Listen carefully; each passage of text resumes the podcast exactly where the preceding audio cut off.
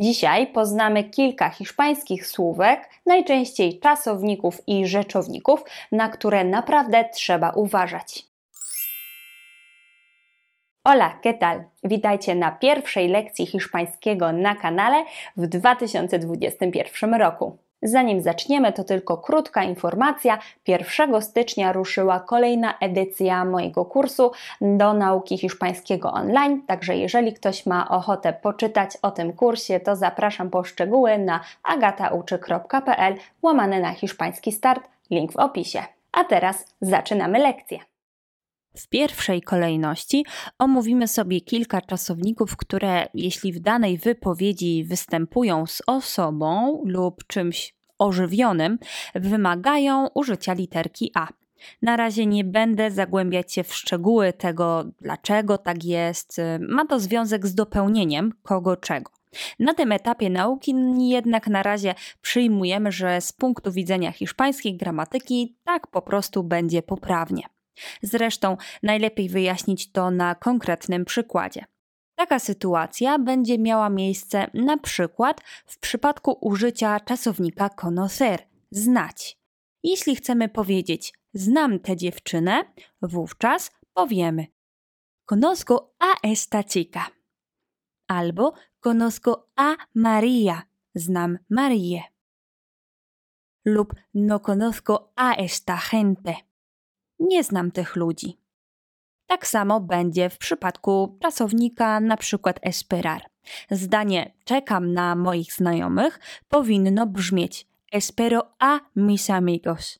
Ale uwaga, ta zasada nie działa, jeśli mówimy o czymś nieożywionym, na przykład o rzeczach. Zatem zdanie czekam na autobus to po prostu espero el autobus. Inne czasowniki, które działają tak samo, to na przykład ver, widzieć. No veo a Pablo aquí. Nie widzę tu Pabla, ale veo una serie muy interesante. Oglądam bardzo interesujący serial. Jak widzisz, w przypadku Pabla musieliśmy zastosować a, a w przypadku serialu niekoniecznie, ponieważ jest to jakaś rzecz, coś nieożywionego. Lecimy dalej. Kolejne słówko, które może okazać się pułapką dla każdego estudiante, to rzeczownik la gente, który oznacza ludzie. Wiem, że po polsku słowo ludzie kojarzy nam się zdecydowanie z liczbą mnogą, dlatego często kusi nas, żeby w przypadku zdania z ludźmi hiszpańskie czasowniki też odmieniać do liczby mnogiej i powiedzieć na przykład La gente en Polonia cenan más temprano que los españoles ale nie jest tak do końca. Wydawałoby się, że to zdanie jest poprawne, ale czyha tutaj na nas kalka z polskiego. Poprawna wersja to la gente en Polonia cena más temprano que los españoles, czyli ludzie w Polsce jedzą kolację wcześniej niż Hiszpanie. Czyli pamiętamy, że la gente to trzecia osoba liczby pojedynczej, a nie mnogiej.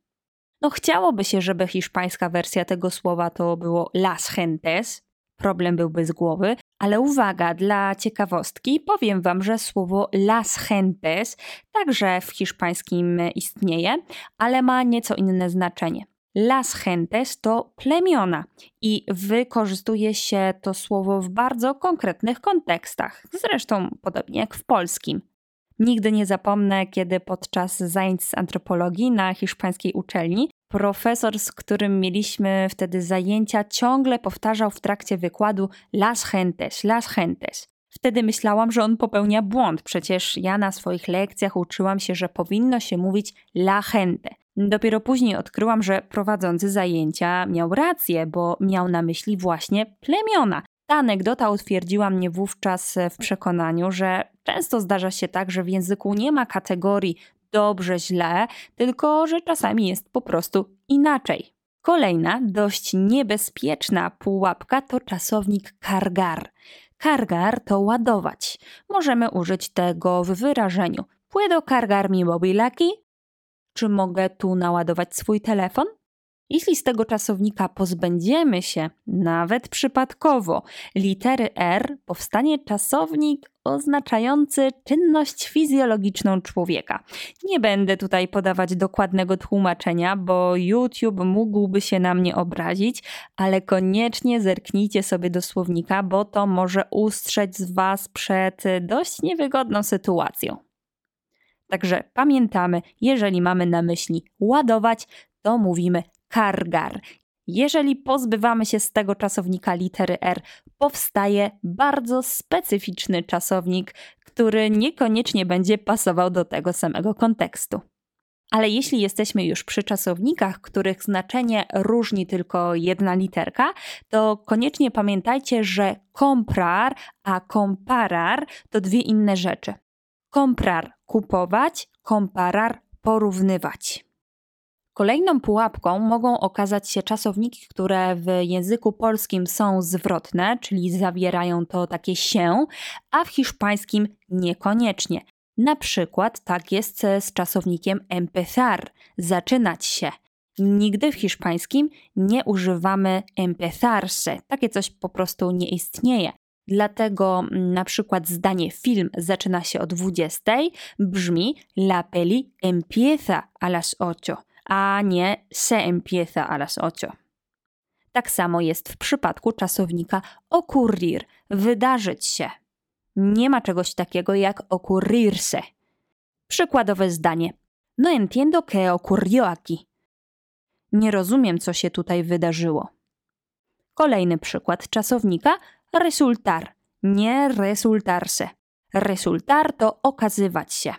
Często ten czasownik wykorzystujemy, kiedy opowiadamy jakąś historię, szczególnie w czasie przeszłym. Spójrzmy na przykład.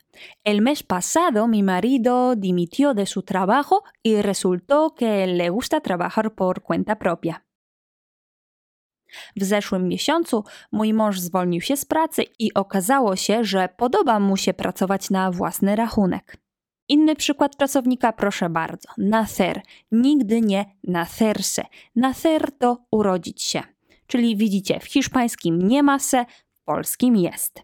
Na przykład nací en 1992, czyli urodziłem się w 1992. I ostatni przykładowy czasownik to discutir. Nigdy discutirse. Discutir to kłócić się. Cuando era pequeña discutía mucho con mis padres. Kiedy byłam mała, dużo kłóciłam się z moimi rodzicami. I ostatnia ciekawostka, która może Wam się przydać. Czy wiecie, że jeśli przed bezokolicznik w hiszpańskim dodamy al, to powstanie konstrukcja wyrażająca to, co wyraża nam gerundio? Czyli na przykład al escoger przetłumaczymy jako wybierając, tak jakbyśmy zrobili sobie escogiendo. Albo na przykład al comer to to samo co comiendo, czyli jedząc. Na przykład al desayunar siempre veo las noticias. Jedząc śniadanie zawsze oglądam wiadomości. Bardzo dziękuję za oglądanie. Mam nadzieję, że taka lekcja Wam się przyda. Jeśli tak, to pamiętajcie o łapce w górze i oczywiście subskrybujcie kanał, jeżeli jeszcze tego nie zrobiliście. Hasta luego!